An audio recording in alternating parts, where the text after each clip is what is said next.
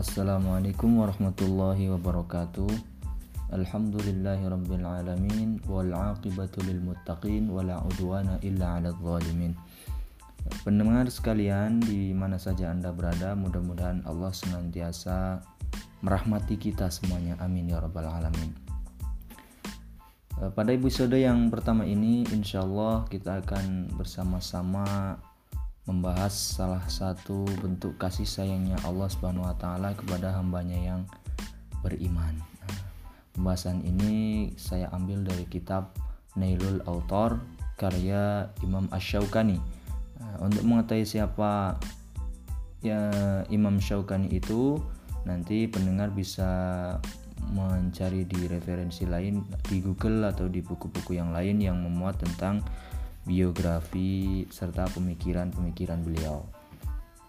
Nah, pada episode yang pertama ini kita akan bersama-sama untuk membahas mengenai sholat kosor. Nah, jadi sholat kosor ini merupakan rukhsah yang diberikan oleh Allah Subhanahu Wa Taala kepada hambanya ketika hambanya itu atau seorang muslim, seorang mukmin itu melakukan safar atau melakukan perjalanan baik dalam rangka ketaatan, baik eh, dalam rangka atau dalam rangka perjalanan yang mubah yang dibolehkan gitu. Nah, mengenai sholat qasar ini ada hadis dari Ibnu Umar, saya bacakan An Ibni Umar qala sahibtu Nabiyya sallallahu alaihi wasallam wa kana la yazidu fi safari ala raq'ataini wa Aba Bakrin wa Umar wa Uthmana kadzalik muttafaqun alaih. Nah, jadi Ibnu Umar ini berkata bahwasanya beliau pernah membersamai Nabi Shallallahu alaihi wasallam dalam suatu perjalanan wa kana la yazidu fi safar. Jadi Nabi itu tidak pernah sholat e, lebih dari dua rakaat saat melakukan atau saat dalam perjalanan. Nah, jadi Nabi Shallallahu Alaihi Wasallam itu ketika sedang dalam perjalanan itu e, sholatnya itu dikosor, artinya tidak pernah lebih dari dua rakaat. Tentu ini sholat yang tidak pernah lebih dari dua rakaat adalah sholat yang pada awalnya itu empat rakaat misalkan sholat zuhur, sholat asar, dan sholat isya. Nah, sholat-sholat yang empat rakaat itu kemudian diringkas sebagai rukhsah dari Allah Subhanahu Wa Taala menjadi dua rakaat. Kemudian beliau apa Ibnu Umar melanjutkan wa Abu Bakrin dan ketika bersama Abu Bakar pun demikian. Wa Umar ketika dengan bapaknya Umar bin Khattab nah juga demikian. Wa Utsman demikian juga dengan ketika dengan Utsman. Nah, hadis ini diriwayatkan muttafaqun alaih. Kemudian yang selanjutnya eh, ada hadis juga dari Ya'la bin Umayyah.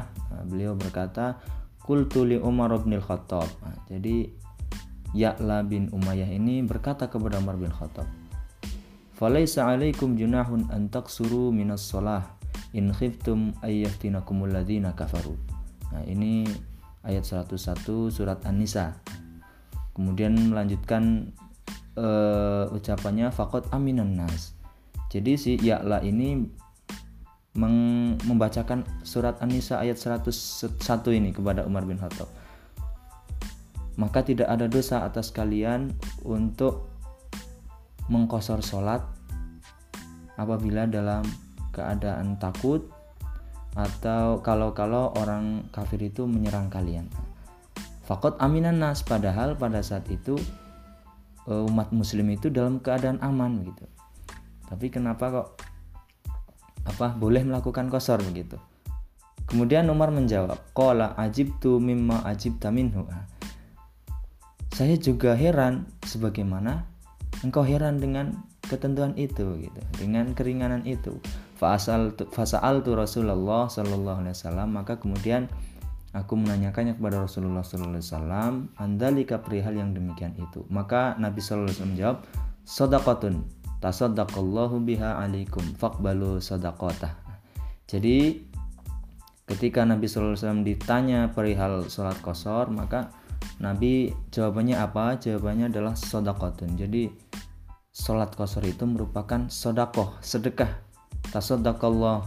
Allah e, memberikan sedekah kepada hambanya itu berupa keringanan itu nah, fakbalu sodakota maka Nabi memerintahkan terimalah sodakoh atau sodakoh yang berupa keringanan itu dengan kalian melaksanakannya gitu. Nah, jadi ketika ini sebagai bentuk kasih sayangnya Allah kepada hambanya sehingga e, dalam kondisi apa pun, dalam kondisi sesulit apa pun, dalam kondisi seberat apa pun supaya hambanya itu tetap tidak keberatan mengerjakan kewajibannya sebagai seorang hamba yakni menjalankan sholat lima waktu salah satunya. Nah maka Allah berikan keringanan. Nah begitu maha apa murahnya Allah maha kasih sayangnya Allah kepada hambanya. Jadi tidak menginginkan hambanya itu kesulitan dalam melakukan ketaatan kepada Allah. Sehingga saat perjalanan itu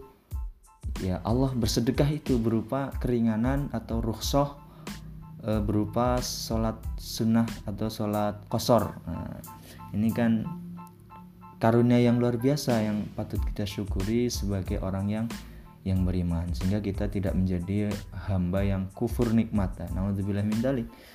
Karena betapa banyak karunia Allah Subhanahu wa taala. Bahkan e, kita tidak akan mampu untuk menghitungnya.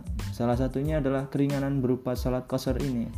Jadi barangkali e, pendengar sekalian ada yang sering melakukan perjalanan jauh nah, kan kadang merasa berat tuh untuk melaksanakan kewajiban sholat nah, maka Eh, berdasarkan hadis ini Allah itu sudah sangat maha murah sekali. Ya.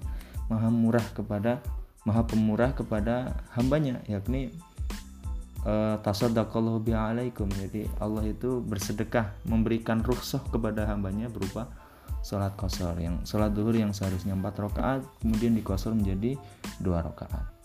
Sholat asar yang awalnya 4 rakaat juga demikian dikosor diringkas menjadi dua rakaat. Begitupun sholat isya.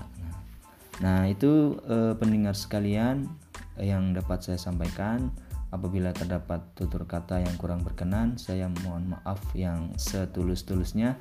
Billahi taufik wal hidayah nun wal qalami wa mayasturun fastabiqul khairat wassalamualaikum warahmatullahi wabarakatuh